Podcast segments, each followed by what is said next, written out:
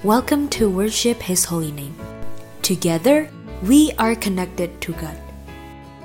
Kami adalah Room Worship di Clubhouse setiap hari Senin sampai Sabtu, Senin Rabu Jumat pukul setengah delapan malam, dan Selasa Kamis Sabtu pukul 11 pagi waktu Indonesia Barat.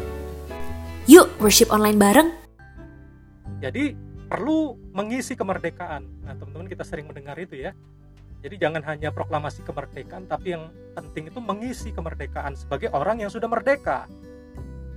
Nah, teman-teman kalau tidak punya gaya hidup yang baru sebagai orang yang merdeka, tidak punya visi yang baru, maka kemungkinan besar akan dijajah kembali, teman-teman. Cuma bentuk penjajahannya beda. Dulu dijajah bangsa Belanda, Jepang, ya.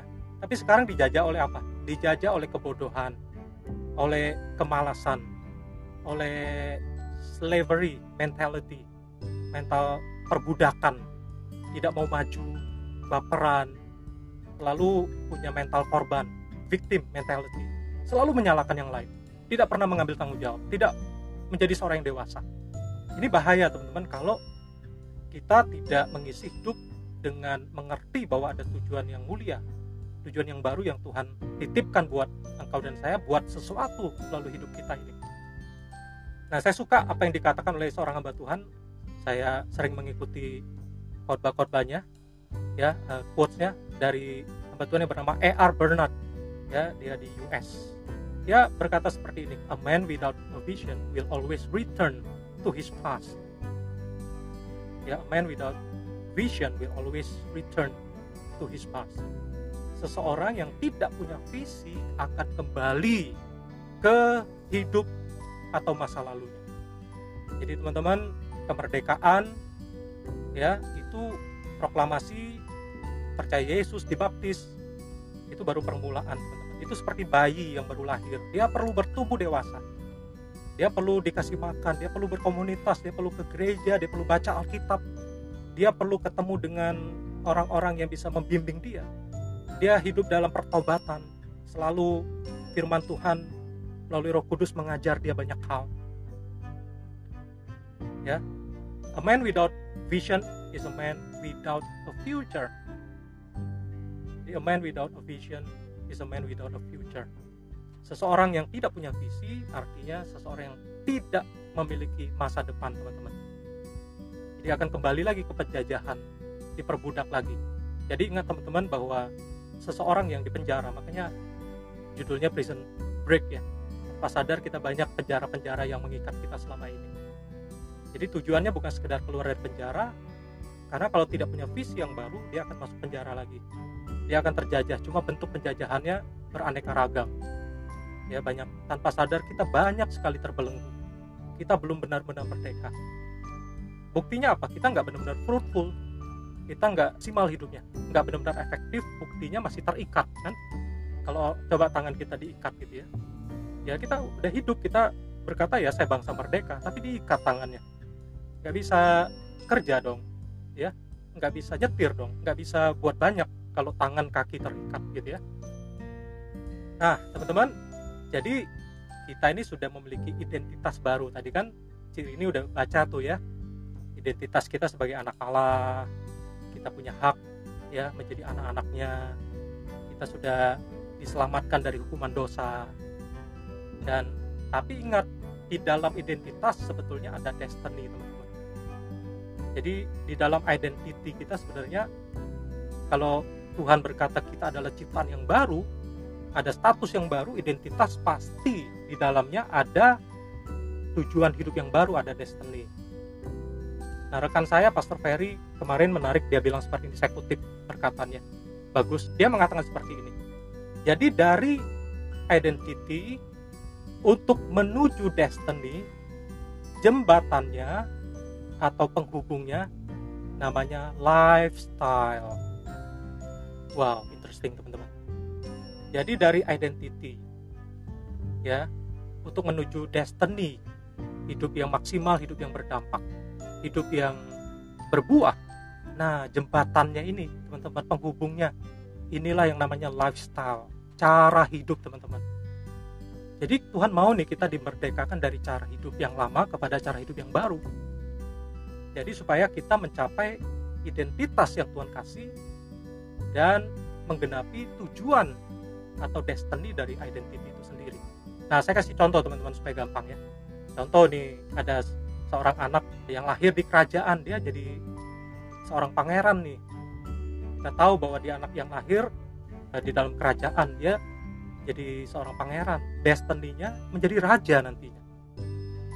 Tapi kalau dia tidak mempersiapkan lifestyle cara hidup dan semua kelengkapannya, mungkin dia tidak akan menjadi raja atau kalau dia jadi raja pun dia tidak akan jadi raja yang baik cuma sekedar titel atau tahtanya doang tapi sebenarnya lumpuh tidak berdaya atau tidak berdampak apa-apa teman-teman. Tapi kembali kalau kita tahu ya kalau seorang pangeran kalau destiny-nya menjadi raja wah dia punya lifestyle yang berbeda dengan orang biasa teman-teman. Dia harus dilatih dia harus bangunnya teratur dia cara ngomongnya bahasanya Eh, pendidikannya, buku dia harus baca buku-buku yang bermutu, sastra, literatur, mungkin juga harus dilatih fisiknya, ketentaraan dan sebagainya. Nah ini teman-teman, ini alkitabiah sebetulnya. Jadi cara hidup itu harus sepadan dengan panggilan. Lifestyle harus sepadan dengan identity dan destiny yang Tuhan berikan. Nah oke, okay, jadi ini supaya nggak nganggur ya. Coba tolong baca di Efesus pasal Siap, 4 ayat 1 ini, silakan. Oke, bentar. Efesus pasal 4 Efesus ayat yang pertama. Efesus 4 ayat pertama. Sebab itu aku menasihatkan kamu, aku orang yang dipenjarakan karena Tuhan, supaya hidupmu sebagai orang-orang yang telah dipanggil berpadanan dengan panggilan itu. Uh, ini ini menarik teman-teman. Supaya hidupmu sebagai orang-orang yang telah dipanggil berpadanan dengan panggilan itu. Teman-teman kalau baca di Efesus pasal 4 itu banyak ya pengertian tentang panggilan Tuhan. Kalau teman-teman baca itu boleh buka ya nanti ya di Efesus pasal 2 aja misalnya bahwa kita kita akan kita adalah buatan Allah diciptakan dalam Kristus untuk melakukan perbuatan baik. Jadi kalau teman-teman baca ya di surat yang ditulis oleh Paulus kepada jemaat di Efesus ya ada banyak sekali panggilan-panggilan Tuhan di situ ya. Oke, saya coba buka ya. Nah, contoh lagi misalnya di ayat yang ke-22 misalnya dari pasal 2-nya di dalam dia kamu juga turut dibangunkan menjadi tempat kediaman Allah di dalam roh. Jadi dia mau ini kita menjadi tempat kediaman di mana rohnya bekerja memakai kita gitu ya. Jadi ada banyak panggilannya. Contoh lagi misalnya ayat 17 dari pasal 3 sehingga oleh imanmu Kristus diam di dalam hatimu dan kamu berakar serta berdasar di dalam kasih. Dia mau kita hidup dalam kasih. Ada banyak panggilan orang percaya di sini ya. Nah, teman-teman, berarti biarlah dikatakan hidupku sebagai orang-orang yang telah dipanggil untuk tujuan yang mulia, memberitakan Injil, memberitakan kasih Tuhan, menjadi tempat kediaman Allah. Kemudian lewat hidup kita banyak perbuatan baik, perbuatan kasih, menolong, melayani, membangun, jadi berkat, ya. Banyak panggilannya cara hidup kita berpadanan dengan panggilan itu. Nah, kalau teman-teman baca di Efesus pasal 4 ayat 2 dan 3 di sana juga menjelaskan cara hidupnya. Ya, jadi banyak kaitannya ayat-ayat ini. Di ayat 2 dan 3 itu menjelaskan gaya hidup yang sesuai dengan panggilan itu misalnya apa gaya hidupnya? Yaitu dalam kerendahan hati, lemah lembut, sabar, hidup dalam kasih, saling membantu dalam damai sejahtera dan sebagainya. Jadi intinya yang saya mau sampaikan dari ayat ini teman-teman bahwa yang menjembatani ya dari identity dengan destiny yang sudah Tuhan tetapkan adalah lifestyle. Jadi berarti teman-teman kita perlu perhatikan lifestyle kita gitu ya. Mungkin satu ayat lagi nih bagus nih di Efesus pasal 4 ayat 28. Coba ciri ini bantu saya baca lagi ya. Oke, siap. Efesus pasal 4 ayat 28. Ini ayatnya Oke. keren banget. Oke. Orang yang mencuri janganlah ia mencuri lagi, tetapi baiklah ia bekerja keras dan melakukan pekerjaan yang baik dengan tangannya sendiri supaya ia dapat membagikan sesuatu kepada orang yang berkekurangan. Wow, ini kan salah satu contoh ayat pertobatan sejati teman-teman. Jadi dulunya orang yang mencuri, janganlah yang mencuri lagi. Tapi nggak stop di situ teman-teman. Dulu di penjara, sekarang sudah keluar dari penjara. Oh, tapi nggak stop di sana teman-teman. Cara hidupnya berubah, tujuan hidupnya berubah jadi orang yang mencuri janganlah yang mencuri lagi itu baru titik nol teman-teman baru start tapi harus dirubah apa tapi baiklah ia bekerja keras. Dulunya mencuri tidak mau kerja. Maunya mengambil milik orang lain. Itu kan mencuri teman-teman. Tapi sekarang ia mau bekerja keras dan melakukan pekerjaan yang baik dengan tangannya sendiri. Itu pertobatan teman-teman. Tapi nggak stop sampai bekerja keras dan melakukan pekerjaan yang baik dengan tangannya sendiri supaya ia dapat membagikan sesuatu kepada orang yang berkekurangan. Ini contoh orang yang sudah merdeka teman-teman hidupnya mengalami metanoia itu ya. Mengalami U-turn putar balik. Inilah pertobatan teman-teman. Jadi pertobatan itu bukan sekedar menyesal. Menyesal baik ya teman harus ya perlu menyesal ya. Menyesal sebagai orang yang bersalah yang berdosa minta ampun di hadapan Tuhan. Tapi jangan berhenti di sana aja teman-teman. Ayo lanjutkan hidup kita. Ya live out bahasa bahasa Inggrisnya. Jadi jadi keselamatan dari Tuhan itu bukan usaha kita. Ya kita bukan work for salvation tapi work out the salvation. Jadi kita harus live out kita harus menghidupi pribadi yang sudah dimerdekakan oleh Tuhan. Jadi perbuatan baik itu melanjutkan. Jadi bukan syarat untuk diselamatkan, tapi dibangun di atas dasar keselamatan itu kita membangun menghidupi cara hidup yang sesuai bagi seorang yang sudah merdeka dan sudah diselamatkan ya. Makanya teman-teman bicara lifestyle ayo rubah mengubah apa pikiran ya hati kita merubah fokus juga merubah lingkungan. Kadang-kadang perlu ya merubah lingkungan supaya cara hidupnya jadi berubah karena pergaulan yang buruk bisa merusak kebiasaan yang baik teman-teman. Mengubah cara bicara cara kerja. Mungkin jadwal kita agenda kita kalender kita mesti diperhatikan juga. Jadi kita bisa mengubah prioritas kita. Karena ini bicara lifestyle ya. Cara makan cara olahraga cara hidup semuanya harus berubah karena kita adalah pangeran dan dipersiapkan jadi raja ya jadi orang-orang yang berdampak untuk menjadi pengubah keadaan ya kita jadi orang-orang yang merdeka dan Tuhan akan pakai untuk membantu memerdekakan orang lain. Oke, poin yang terakhir teman-teman.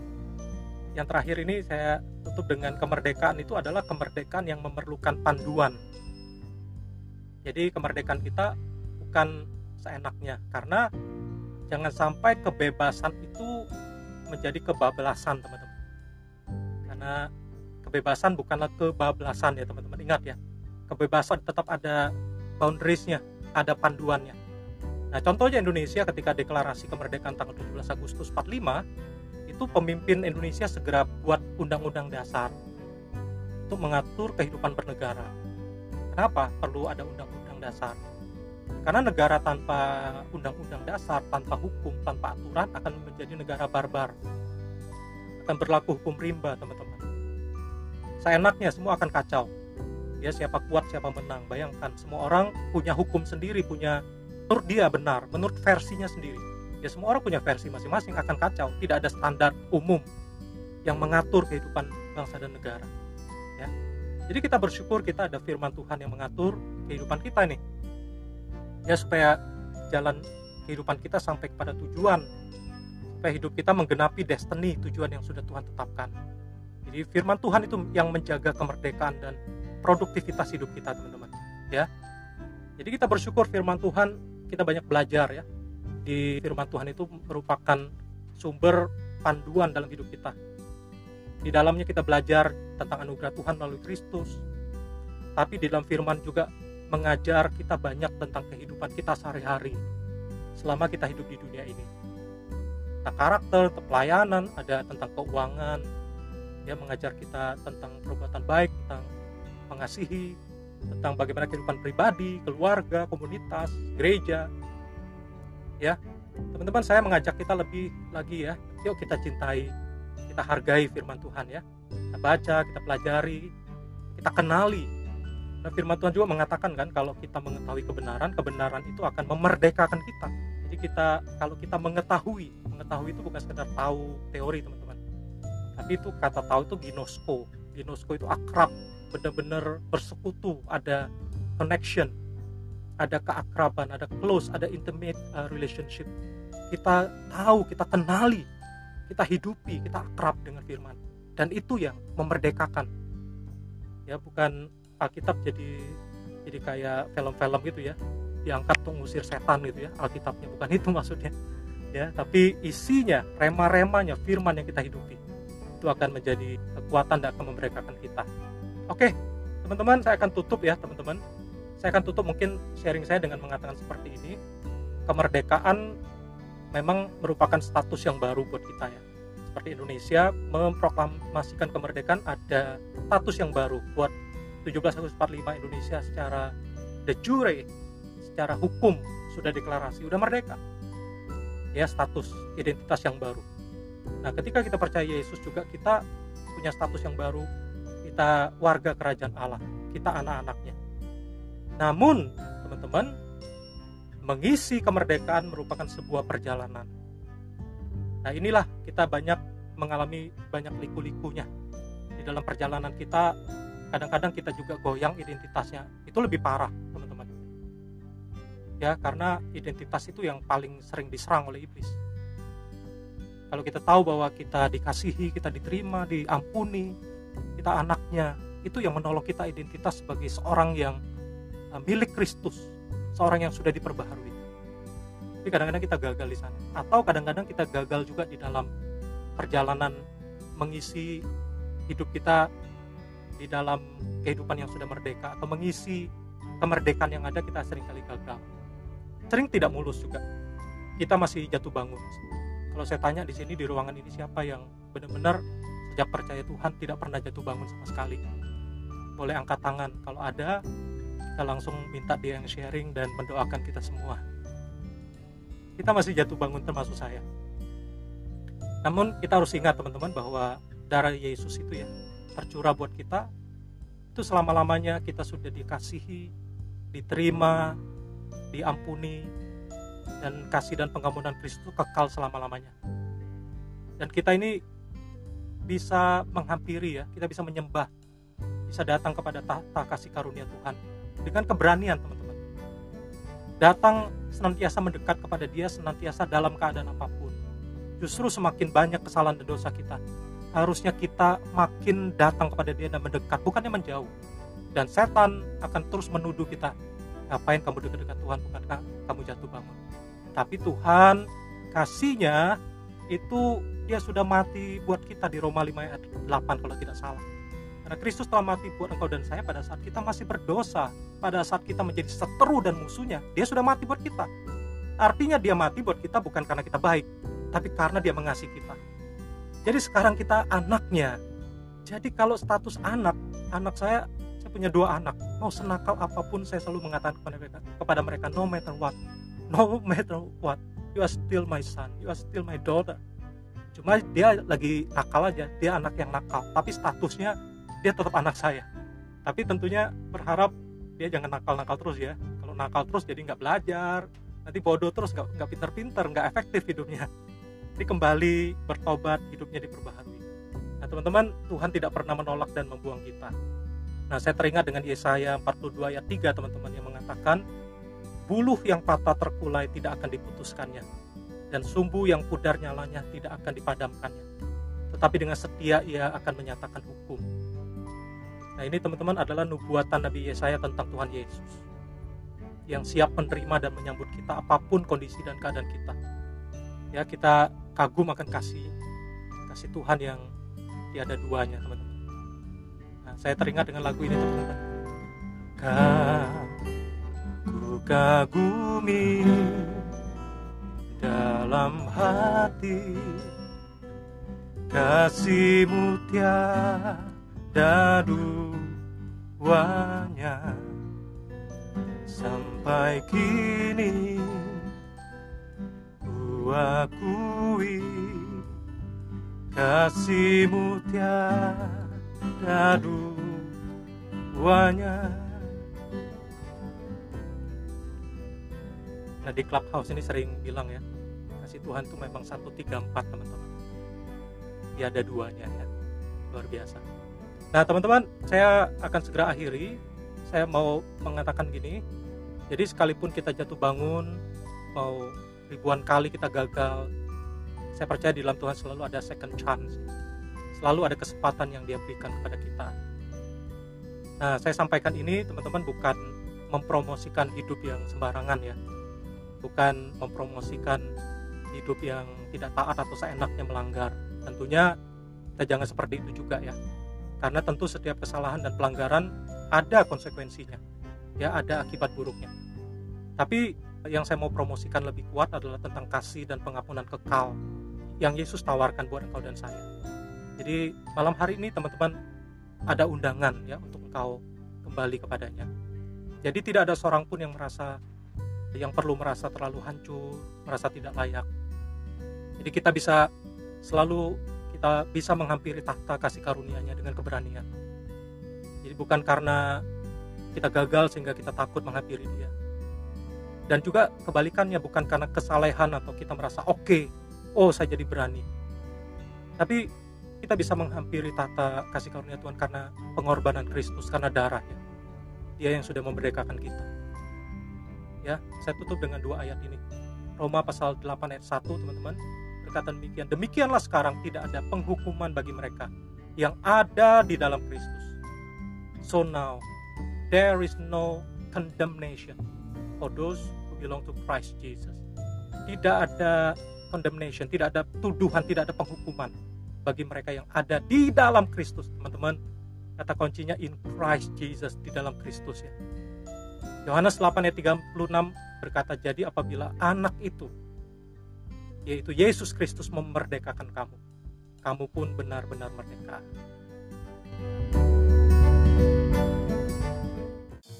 Worship His Holy Name. Kami adalah Room Worship di Clubhouse setiap hari Senin sampai Sabtu, Senin Rabu Jumat pukul setengah 8 malam, dan Selasa Kamis Sabtu pukul 11 pagi waktu Indonesia Barat. Jangan lupa untuk follow Rumah Hijau Club Worship His Holy Name supaya kalian gak ketinggalan setiap kali kita open room worship. Follow juga Instagram kita di at worshiphisholyname.id. Teman-teman juga feel free untuk DM IG kita yang butuh tempat untuk cerita, atau ada titipan doa untuk bisa kita doakan sama-sama di Worship His Holy Name. Worship His Holy Name. Together, we are connected to God.